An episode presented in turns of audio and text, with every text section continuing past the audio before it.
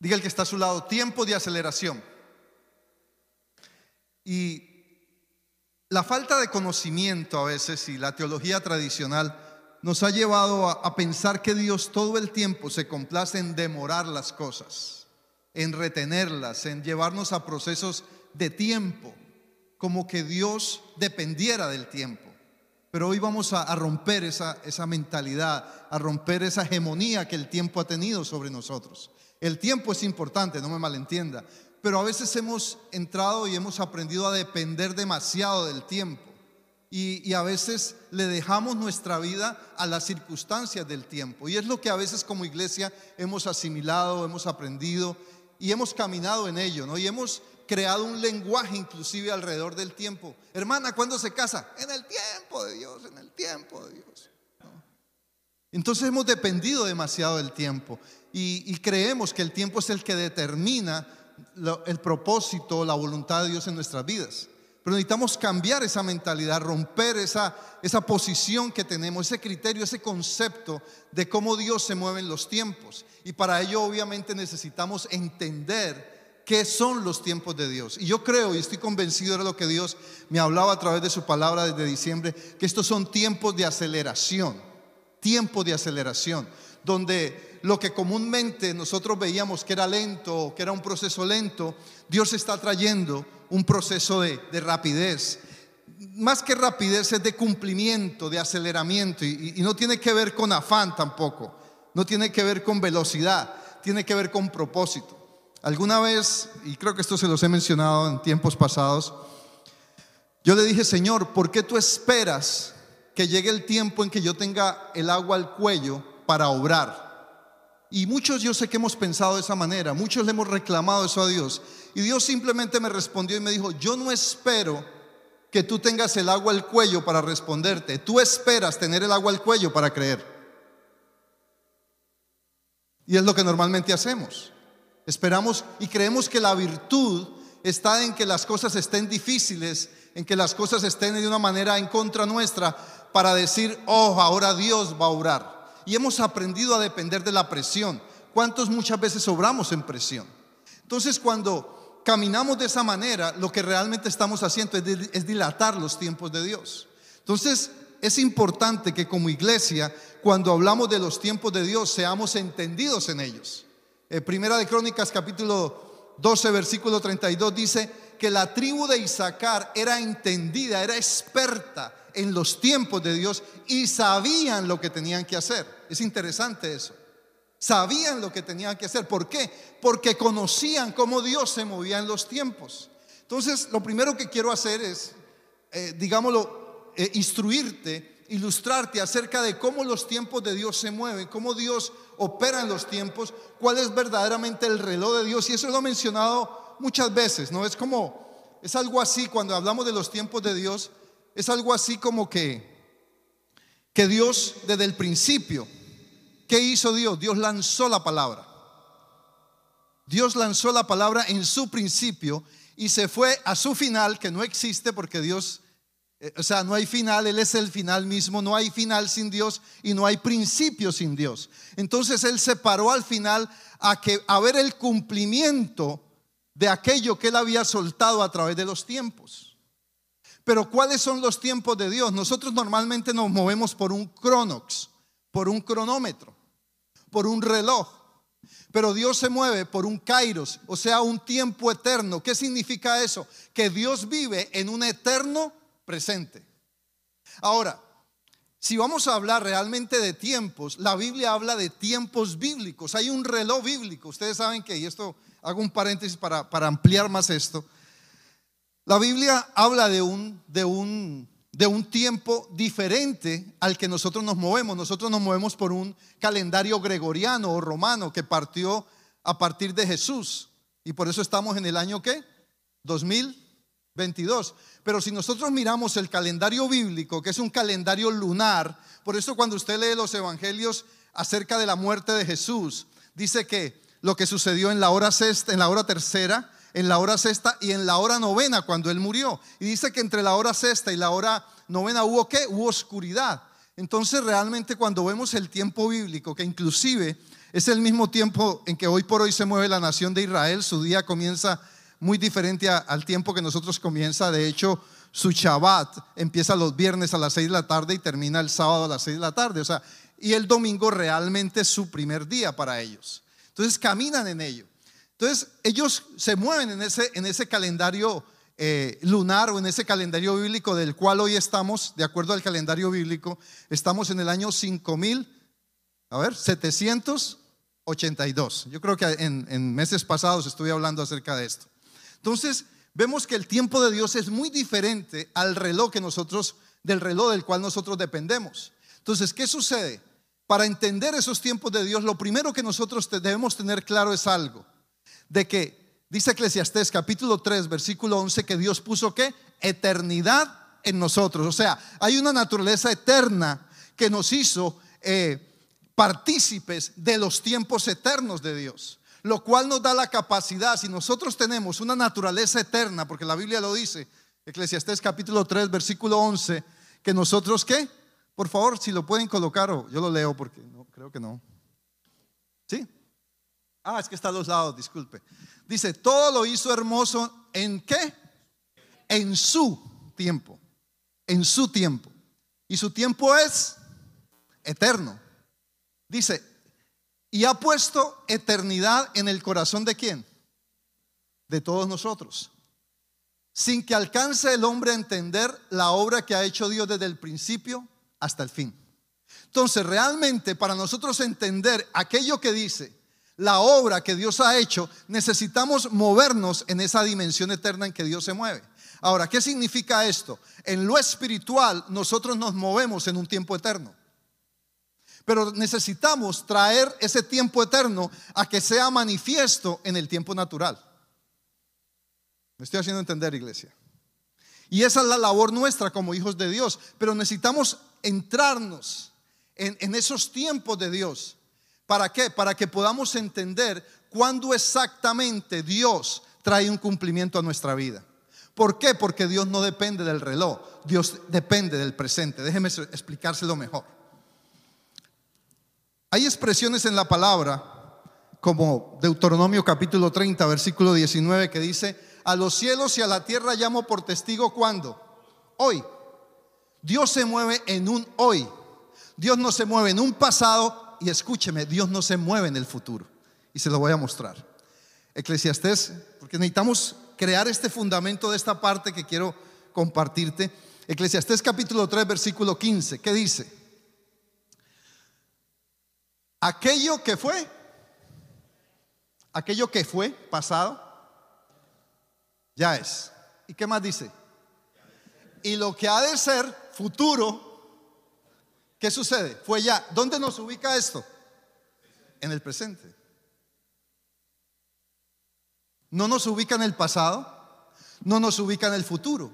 El problema es que nosotros no caemos en el cumplimiento de los tiempos de Dios porque nos ubicamos o en el pasado que ya fue o tratamos de buscar el futuro que ya es.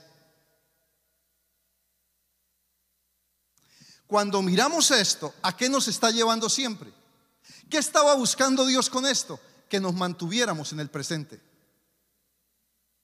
Porque el pasado me saca de lo que Dios está haciendo hoy. Pero el futuro también me saca de lo que Dios está haciendo cuando? Hoy. ¿Qué significa esto? Que entender los tiempos de Dios es mantenernos en un tiempo eterno presente. ¿Está claro? Póngame cara de que está como de, oh, ahora sí lo entiendo.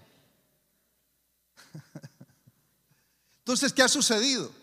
Que si yo busco el futuro, allá en el futuro, Dios está en presente. ¿Por qué? Porque Él vive en un eterno presente. Por eso es que cuando tú o yo pecamos hoy, Dios no hace el escándalo que hacemos los hijos de Dios ni señalamos ni acusamos. ¿Por qué? Porque como Él vive en ese eterno presente, Él conoce mi presente mañana.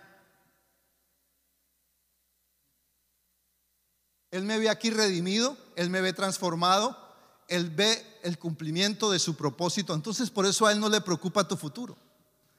Porque si tú aquí pecaste o aquí pecamos, la sangre de Cristo me limpia, entiéndame bien, buscando fruto de arrepentimiento, no estoy hablando de pecar y empatar. Entonces para Dios el pasado ya no existe. Ahora, ¿cuál es el problema? Que no vemos el propósito de Dios eh, cumpliéndose en nuestra vida y los tiempos de Dios siendo liberados porque nos mantenemos ubicados todavía en el pasado y nos salimos del presente. Pero igual no conocemos el principio, pero queremos saber el futuro. Alguna vez, y perdón que haga mención de esto, alguien se fue de la iglesia hace muchos años que porque yo no hablaba del futuro. Yo le dije, yo no tengo bola de cristal. Yo no, Que porque no hablaba del apocalipsis y de lo que iba a pasar. Entonces a veces estamos tan preocupados del, del futuro cuando ni siquiera conocemos el principio. Entonces, ¿a qué te quiero llevar con esto? Y, te lo voy a demostrar por la palabra. A que es tiempo de que la iglesia del Señor empiece a caminar en aquello que Dios tiene cuando? Hoy. Hemos estado demasiado preocupados por el futuro y tu futuro, escúchame, le pertenece a Dios. En el momento que yo trato de apropiarme del futuro, estoy sacando a Dios de la ecuación. Y en el momento que yo quiero vivir en el pasado, Dios no existe en el pasado. Porque si Dios vuelve al pasado, volvería a aquello que cometimos. Y Dios se olvida de eso. Me, estoy haciendo entender, iglesia. Entienda la expresión Dios no existe en el pasado. O sea, a Dios no le interesa tu pasado. Dios no se mueve. Dios, hay una puerta cerrada. Cuando yo traspaso la línea del pasado, Dios no entra conmigo. Porque Él se mueve ¿dónde? En un eterno presente. Lo mismo sucede, me estoy haciendo entender iglesia, lo mismo sucede cuando cruzo la puerta hacia el futuro, tampoco Dios entra conmigo, porque Él se queda en qué? En el eterno presente. Porque este futuro le pertenece a Él, no te pertenece a ti. Jeremías capítulo 1, versículo 12 y 13. Vamos a ir entendiendo mejor esto, de que son tiempos de aceleración. Dice, la palabra del Señor vino a mí diciendo, ¿qué ves tú, Jeremías? Y Jeremías le dice, veo un qué? Una vara de almendro. Y luego el versículo 12 dice, y me dijo el Señor, bien has visto, porque yo apresuro mi palabra, ¿para qué? Para ponerla por obra. Entonces son tiempos de aceleración. Cuando tú estás pensando, cuando yo estoy pensando que Dios está demorando mi proceso, lo que realmente Dios está haciendo todo el tiempo es acelerar, apresurar su palabra a tu favor y a mi favor para que haya cumplimiento. ¿Por qué no se cumple entonces, apóstol? ¿Por qué no se cumple mi tiempo? Porque estoy ubicado en el pasado. O estoy tratando de de traspasar o de, o de irrumpir en el futuro para ver qué pasa conmigo. ¿Cuánta gente, y, y quiero que me entienda esto, ha buscado la profecía solo para saber qué va a pasar en el futuro?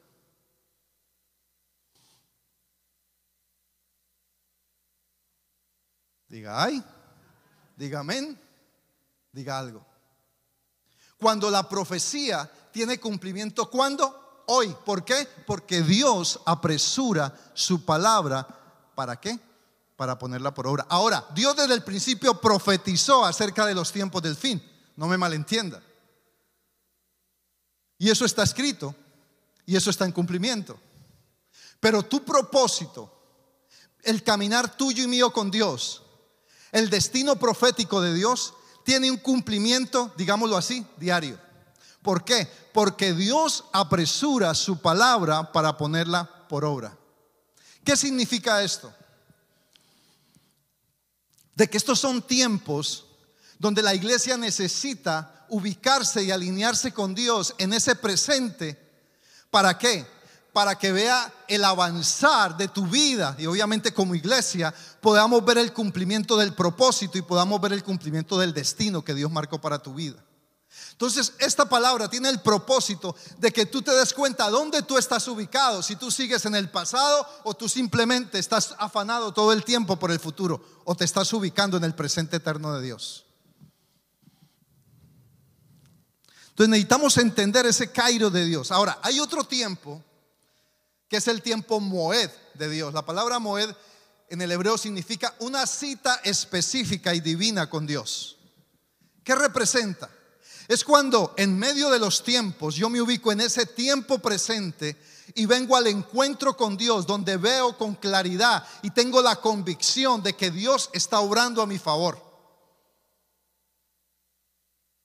Y se empieza a liberar lo que llamamos la voluntad de Dios en mi vida en un eterno presente. Y mañana para Dios es presente. Y pasado mañana para Dios es mi presente. Y la próxima semana en Dios es mi presente. Ahora, si Dios nos permitiera traspasar a ese futuro y llevarnos a ese futuro, Él estaría ubicado, ¿sabe dónde? En el presente mío. Yo se lo voy a ir desenredando. Pero necesitamos entender los tiempos de Dios, cómo Dios se mueve en los tiempos. En otras palabras, simple, usted fue llamado a vivir en el presente, usted no fue llamado a vivir ni en el pasado ni en el futuro, porque cada día trae qué? Ahí está. ¿Y sus misericordias son nuevas cada cuánto? Cada mañana. ¿Y el maná era para cuándo? Para hoy. Entonces, el propósito, la provisión, el cumplimiento es hoy. Entonces, ¿por qué no recibimos entonces? Porque le estamos midiendo los tiempos a Dios, valga la redundancia, todo el tiempo. Hay un pacto, nosotros vivimos en un nuevo pacto, del cual Dios cumplió en Cristo. Entonces, ¿qué sucede? Que cuando Dios nos hace una promesa, nosotros estamos más pendientes de ver cuándo Dios me la cumple que hacer lo que a mí me toca hacer. Todos, ¿cuánto no le hemos dicho, Señor, es que tú no me escuchas? Señor, ¿qué está pasando? Estamos revisando, supervisando a Dios todo el tiempo. Y por eso la iglesia no ve el cumplimiento de los tiempos. Porque estamos más pendientes de ver cuándo Dios me cumple la promesa. Tú y yo no somos los supervisores de Dios. Dedícate a cumplir aquello que Dios te mandó a hacer. ¿Cuándo? Hoy. Entonces, esto tiene que ver con qué? La tribu de Isaacar, dice, lo, lo decía hace un momento, en Primera de Crónicas, capítulo 12, versículo 32, que eran entendidos. Mire, hay versiones que dicen que eran expertos, que conocían lo que sucedía cada día en los tiempos, y dice que sabían lo que tenían que hacer. Cuando tú caminas en los tiempos perfectos de Dios, sabemos lo que tenemos que hacer. Es cuando se da el cumplimiento de su voluntad. Ahora, déjeme decirle esto. Es tiempo de que estemos atentos a la voz del Espíritu Santo, que es lo que Dios quiere para mí hoy. No ayer ni mañana, que Dios quiere para mí hoy. Y yo he visto que el afán nuestro hace que trascendamos el tiempo de Dios. Obviamente tenemos preocupación, tenemos afán, luchamos con circunstancias, luchamos con problemas, no negamos la realidad. Una de las cosas que los tiempos de Dios no hacen, ni la fe hace, es negar la realidad. Pero ¿qué hace? La confronta. ¿Cuándo? Hoy. Yo no confronto mi realidad en relación al pasado. Yo no confronto mi realidad en relación al futuro. Yo confronto mi realidad en relación al presente. Porque tú no oras por un dolor que vas a sentir ni por un dolor que sentiste. Tú oras por un dolor que estás sintiendo.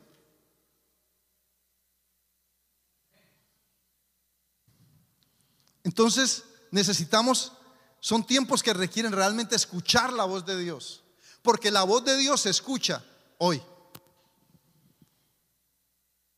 Hemos mantenido un afán del futuro y, es entendible. Con todo lo que pasa, queremos saber qué va a pasar en el futuro. Confórmate con saber que lo que va a pasar en el futuro acerca de tu vida está en las manos de Dios. Y eso es fe. Eso es fe. Entonces, el, tiempo de Dios va de, va de la mano con la fe. Entonces, Esto trae que un aceleramiento, una aceleración en tu destino, en tu propósito, en aquello que Dios ha dicho. Ahora, ¿cómo yo puedo liberar el cumplimiento de esos tiempos? Cuando camino primero en obediencia, pero también en revelación.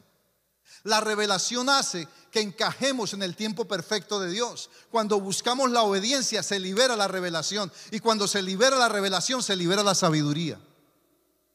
Y entonces sabremos que sabremos lo que tenemos que hacer. ¿Por qué? Porque conocemos cómo se mueve Dios en los tiempos. Hoy usted conoce un poco más de cómo son los tiempos de Dios. Dios nunca se va a mover por la presión del reloj. Ahora, necesitamos el reloj, no me malentienda, no me va a decir que mañana llegó tarde al trabajo porque el apóstol le dijo que ya el tiempo no importaba. Que puede pasar, puede pasar. No, eh, necesitamos este reloj para qué? Para el cumplimiento en lo natural. Pero no dependemos de él, dependemos de lo que Dios dijo en qué? En lo eterno. Porque en, en ese tiempo eterno Dios liberó su voluntad acerca de ti. Y la soltó desde la eternidad para que se cumpla hasta la eternidad. Por eso es que te digo, Él soltó, míralo de esta manera, lo he explicado en el pasado. Es como que si en Génesis Dios hubiera soltado la palabra acerca de tu vida y se hubiera ido a sentar en Apocalipsis a esperar el cumplimiento en tu vida. ¿Y qué necesitamos para ello? Proceso. Proceso. Y el proceso obviamente se va cumpliendo en el tiempo. Y de esa manera vamos conociendo la voluntad de Dios y vamos acertando en el cumplimiento de lo que Dios ha establecido para nuestras vidas. Ahora, usted se preguntará, bueno, si eso suena tan fácil, apóstol, ¿por qué entonces no se cumplen las cosas en nuestra vida? Simple, porque abortamos los procesos. Detenemos, y al abortar los procesos, ¿cuándo aborto un proceso? Cuando me quedo en el pasado. Eso le pasó a Israel. Cuando salió de Egipto se quedaron ahí. Y muchos querían volver a Egipto, querían volver al pasado. Estaban disfrutando del presente, pero querían vivir en el pasado. Hello. Y a veces queremos disfrutar de la bendición de Dios estacionados en el pasado. O a veces queremos disfrutar de la bendición de Dios que es en el presente, preocupados por el futuro. Hello. Cuando el tiempo de Dios para tu vida está vigente hoy. ¿Qué dice el Salmo 139, 16? Mi embrión vieron tus ojos. Y todas aquellas cosas acerca de mí están qué? Escritas en tu libro sin dejar pasar una sola de ellas. O sea, cualquier cosa que tú necesites, Dios ya tuvo cuidado de ella. Y, esto no, no lo quiero espiritualizar, por favor. Ustedes saben que, los que me conocen, saben que mi mensaje no es espiritualizado, es crudo a veces, pero está respaldado por la palabra. Entonces, si nosotros entendemos cómo se mueven los tiempos de Dios, causaremos una aceleración en los procesos de nuestra vida. Y no estoy hablando, vuelvo y te repito, de afán, ni de rapidez, ni de velocidad. Estoy hablando de propósito. Y cuando yo camino en el proceso de Dios y caigo en ese presente, entonces veo el cumplimiento y va a pasar lo que pasó con, con, Isaías. ¿Qué pasó? Perdón, con Jeremías. Mire esta situación. Cuando Dios le dice a Jeremías, ¿qué ves Jeremías? Él le dice, yo veo una vara de almendro. Era uno de los momentos más difíciles en, el, en el, tiempo en, en, Jerusalén. Era en Israel había un invierno crudo, no había fruto, el invierno, las cosechas estaban terribles porque el invierno acababa con todo, era un tiempo de crisis, de escasez. Y Dios le pregunta a Jeremías, ¿qué ves Jeremías? Y él le dice, veo una vara de almendro, o sea, floreciendo el almendro. No era tiempo de fruto. Pero ¿qué significaba eso? Que Dios quería que Jeremías viera aquello que Dios estaba viendo. No la crisis, no la escasez, sino que el fruto. Y entonces Dios le dice a Jeremías en una manera de aprobación, bien has visto Jeremías, porque yo apresuro a causa de que Jeremías se ubicó, no pensando que era tiempo o no era tiempo de cosecha, sino que se ubicó en el tiempo de Dios, en el hoy de Dios, discernió los tiempos de Dios, recibió la unción de, de, los hijos de Isaacar, o ser de ser entendido en el tiempo, no cuestionando las circunstancias, sino viendo aquello que Dios estaba viendo. ¿Qué estaba viendo Dios? Una vara de almendro floreciendo en tiempo que no era tiempo de fruto. Entonces, ¿cuál es, la, ¿cuál es el tema de esto? Que Jeremías reconoció que no eran sus circunstancias, que no era su tiempo lo que medía el propósito de Dios, sino que Dios que soltaba su palabra para apresurar los tiempos. Me estoy haciendo entender, iglesia. Entonces, a causa de eso, Jeremías vio lo que Dios veía. A causa de esto, cuando nos ubicamos en los tiempos de Dios, donde había escasez, Jeremías vio fruto, vio lo que Dios veía.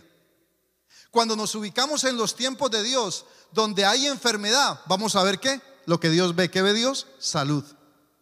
Cuando nos ubicamos en los tiempos de Dios, donde nosotros estamos viendo crisis, Dios estaba viendo qué? Abundancia.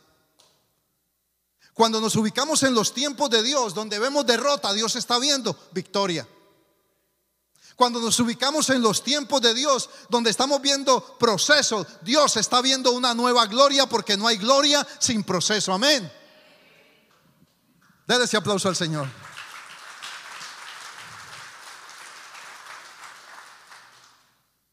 Entonces, cuando entendemos los tiempos de Dios, cuando entramos en esa dimensión de aceleración, de que Dios vive en un eterno presente, escúcheme, usted va a saber usted va a saber lo que tiene que hacer. Y era lo que pasaba con Isaacar. Ellos aprendieron a dimensionar los tiempos de Dios. Ellos aprendieron a vivir en ese eterno presente de Dios. ¿Por qué? Porque Dios ha puesto qué? Eternidad en nosotros para que midamos sus tiempos, para que entendamos sus tiempos, para que visualicemos cómo Dios se mueve en medio de los tiempos. Cuando yo reconozco ese eterno presente de Dios, que lo liberó desde el principio y que lo respalda desde el final y me ubica en mi eterno presente. ¿Por qué? Porque hay eternidad en mi vida. Yo veo el hoy de Dios.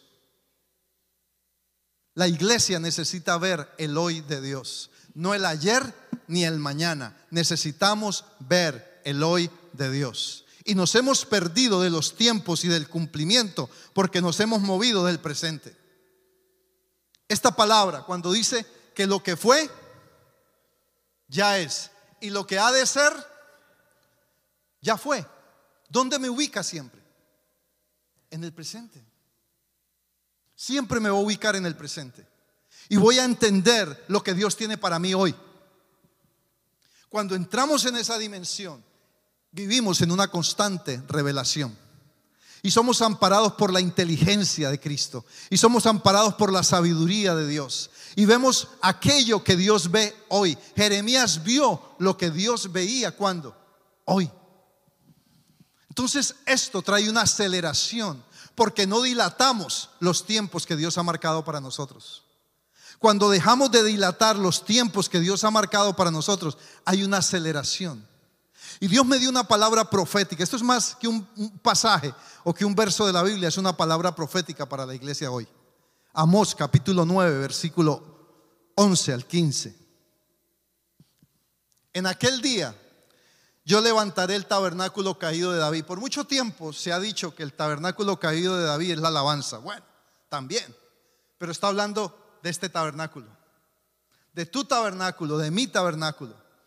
Dice, y cerraré sus portillos y levantaré sus ruinas y lo edificaré como en el tiempo pasado, versículo 12. Para que aquellos sobre los cuales es invocado mi nombre, ¿quiénes son aquellos? Nosotros, sobre los cuales es invocado mi nombre, posean el resto de Dom y a todas las naciones, dice el Señor que hace esto, versículo 13. Y escucha esto, porque aquí es donde vemos esos tiempos de aceleración. He aquí vienen días, dice el Señor, en que el que ara alcanzará al que ciega. O sea, el que está sembrando va a alcanzar al que está recogiendo. Y así sucesivamente. Y el que recoge alcanza al que siembra. Y el que siembra alcanza al que recoge. Y el que recoge alcanza al que siembra. El que el pisador de las uvas en el lagar al que lleve la simiente y los, montes destilarán mosto y todos los collados se derretirán. Versículo 14. Y traeré del cautiverio a mi pueblo Israel. ¿A causa de qué? Del aceleramiento de los tiempos. Y edificarán ellos las ciudades asoladas y las habitarán, plantarán viñas y beberán el vino de ellas y harán huertos y comerán qué? El fruto de ellos. Versículo 15. Pues los plantaré sobre su tierra y nunca más serán arrancados de su tierra que yo les di, ha dicho el Señor Dios tuyo. ¿Qué significa esto? Que son tiempos de aceleración. Ahora, usted dirá, apóstol, ¿el reloj se está acelerando? No. Es el cumplimiento. Cuando nosotros nos ubicamos en el, eterno presente de Dios, en el hoy de Dios, entonces hay cumplimiento. Y cuando hay cumplimiento, hay aceleración. ¿Por qué? Porque ese cumplimiento se da por causa de la palabra. Dios apresura su palabra para ponerla por obra. ¿A favor de quién? A favor tuyo y mío. El propósito de Dios acelerarse o acelerar los tiempos es que venga nuestro favor, es que haya cumplimiento para nuestra vida, es que la iglesia no retrase más el proceso de Dios en nosotros. Es que nos salgamos del pasado y dejemos de estar dependiendo del futuro y nos ubiquemos hoy porque cada día trae qué? Su propio afán. Cuando logro ubicarme hoy, hasta me rejuvenezco.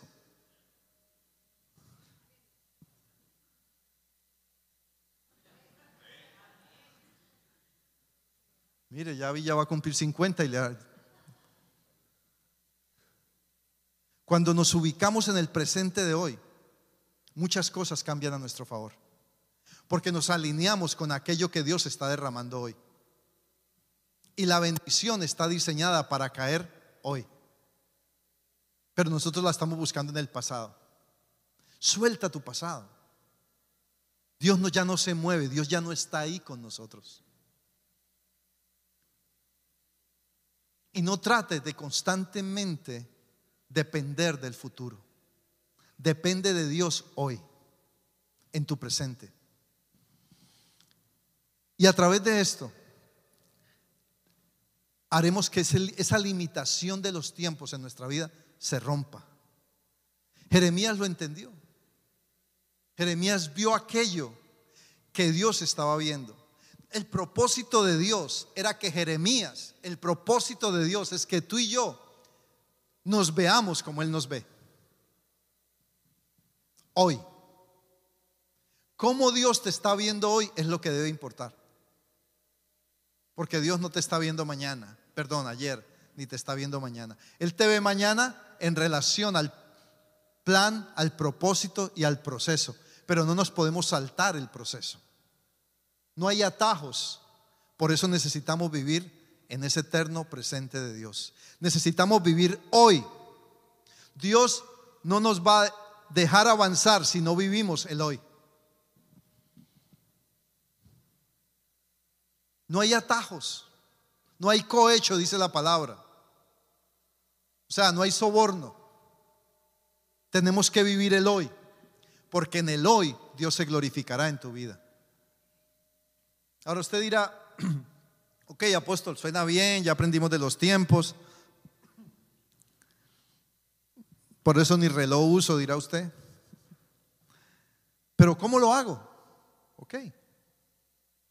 ¿Lo hemos entendido, iglesia? ¿Me he hecho entender? Diga ay, dígame, diga algo.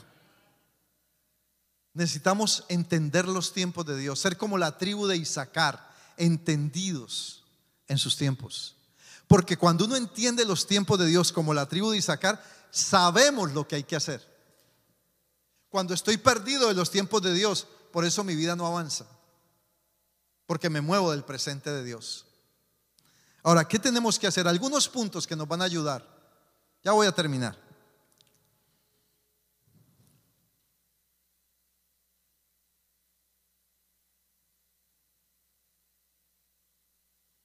Debemos primero entender que Dios me ve en una dimensión eterna y no temporal, aunque me quiere ver ubicado hoy. Pero Dios no se mueve en lo ocasional ni en lo temporal, Él se mueve en esa dimensión eterna y Él nos ve en esa dimensión eterna. Debemos entender ese pasaje y aceptarlo más que entenderlo y caminar en Él y pedir a Dios que nos revele cuando dice Eclesiastés que Él puso eternidad en nosotros. Vaya un momentico al versículo 15 de, de Eclesiastés 3, quiero mostrarte algo. Aquello que fue ya es y lo que ha de ser fue ya. ¿Y Dios qué? Restaura lo que pasó.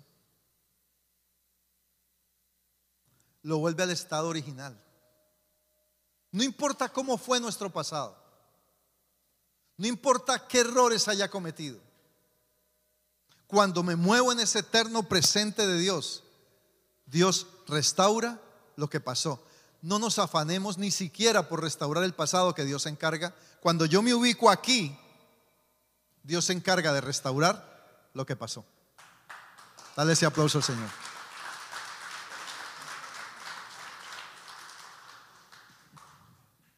En segundo lugar, no dependas de tus tiempos. No dependas de tus tiempos. Nuestros tiempos siempre van a estar, cuando nos salimos del tiempo de Dios, siempre nos van a desubicar. No dependamos de nuestros tiempos. En tercer lugar, no le midas el tiempo a Dios. Dios, ¿cuándo? Cuando nosotros hacemos eso es porque nos hemos movido del reloj de Dios. Cuando yo estoy pendiente de si Dios va a cumplir o no, o, está cumpliendo lo que yo expecto, es porque me he movido de aquí. Porque cuando yo estoy ubicado en el centro del tiempo de Dios, yo veo claramente aquello que Dios está haciendo. Y lo está haciendo a mi favor. Y camino en bendición, y camino en claridad. Y yo entiendo, créame, hay circunstancias que hemos vivido que nos han estado llevando a estar muy preocupados por el futuro. Pero convéncete de esto. Cuando me ubico en el presente, estoy con la claridad de que Dios ha asegurado mi futuro. No te preocupes por el futuro. Si te ubicas, digámoslo por decirlo de esta forma, preocúpate por entender, por recibir, por aceptar y por vivir en el presente de Dios para tu vida. Porque cuando eso sucede, a ti no te importa el pasado ni te preocupas por el futuro. Tú estás construyéndolo. Tú lo estás asegurando. Aquí en tu presente, en Dios, tú estás asegurando totalmente tu futuro. Y como por inercia se va a dar. Porque Él ya tuvo cuidado de tu futuro. No te preocupes por el futuro. No te preocupes por el futuro. No te preocupes por el futuro. Yo les digo, yo he aprendido a no preocuparme por el futuro. A soñar a hacer cosas, sí, sueño con hacer más cosas de aquí para adelante, pero las desarrollo hoy. Y cuando veo cómo Dios acelera las cosas con remanente, con las iglesias, con los proyectos que hacemos, me convenzo más de esto.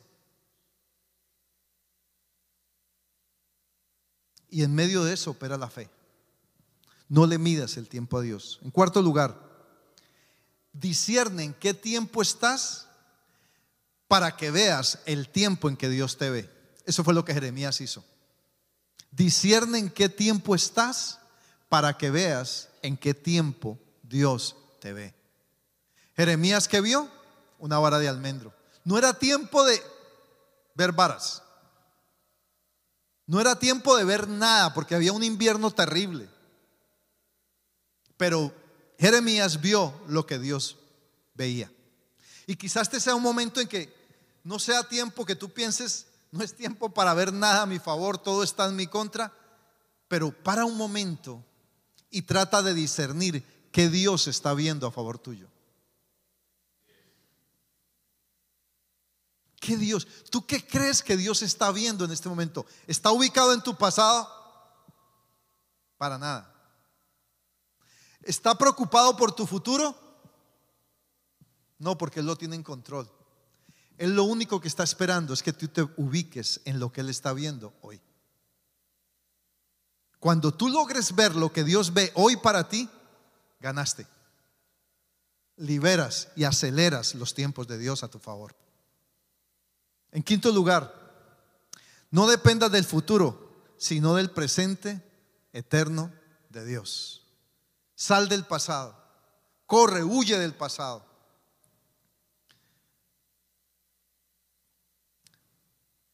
Y por último, no dependas de las circunstancias, depende de lo que Dios dijo acerca de ti. Depende de lo que Dios escribió en su libro acerca de ti. Y Él no olvidó ningún solo detalle. Él no perdió nada acerca de ti. Él ha tenido cuidado de todas las cosas tuyas. Yo sé de qué te estoy hablando. Y no es un tema de merecer, es un tema de que somos hijos. Y porque somos hijos, somos herederos y coherederos con Cristo. Y entiende la importancia, es tan importante los tiempos para Dios dentro de su, digámoslo, su nomenclatura bíblica, que aún todo lo profético está ligado a los tiempos. Perdón, todos los tiempos están ligados a lo profético de Dios. Aún las fiestas de Dios. Cuando nosotros miramos las fiestas, y ya termino, mi último término. Cuando nosotros miramos las fiestas en Levítico 23, todo lo que Dios hizo con relación a su hijo lo hizo en una fiesta. Jesús nació en una fiesta, la fiesta de los tabernáculos. Eh, murió en una fiesta, en la fiesta de Pascua. Subió, ascendió en una fiesta, en la fiesta de Pentecostés. Y regresa en una fiesta, en la fiesta de las trompetas. Entonces, eso viene en un cumplimiento de qué? De los tiempos de Dios. Cuando entendemos esto, iglesia, hay aceleración. Y es lo que tú y yo necesitamos. A veces el reloj nos gana. A veces dependemos demasiado del reloj. Pero hoy le vamos a decir, Señor, yo quiero ubicarme en tu eterno presente. ¿Cuánto lo quiere? Vamos a decirle al Señor, Señor, yo quiero ser entendido en tus tiempos. ¿Para qué? Para saber lo que hay que hacer. Porque la tribu de Isaacar sabía. Y si tú estás viviendo una circunstancia en este momento, en tu vida, que ves que no pasa nada, empieza a ver lo que Dios ve. Porque si seguimos viendo lo que yo veo, lo que voy a ver son circunstancias. Y las circunstancias no nos ayudan, pero tampoco las podemos negar. Escúcheme, no es negar las circunstancias, no es negar la realidad que estoy viviendo, es ubicarme en qué Dios dijo acerca de mi realidad. Y ahí las cosas empiezan a cambiar, porque se libera fe. Y fe, nos y fe hace que veamos aquello que parece no ser. Es pues la fe la certeza de lo que se espera, la convicción de qué? De lo que no se ve. Entonces, ¿qué le pasaba a Jeremías? Jeremías solo estaba viendo lluvia, lluvia, lluvia, lluvia. Pero de repente, así un de repronto, una mezcla de de pronto con de repente, de repronto, ¿qué hizo? vio lo que Dios veía. ¿Y qué veía Dios? Una vara. Y ahí se liberó la palabra sobre la vida de Jeremías. Y Dios necesita liberar su palabra. Lo que Él ha dicho acerca de ti necesita liberarlo hoy. No esperes a mañana, hoy. Colócate de pies. Y vamos a decirle, Señor, yo quiero entrar en el cumplimiento de los tiempos.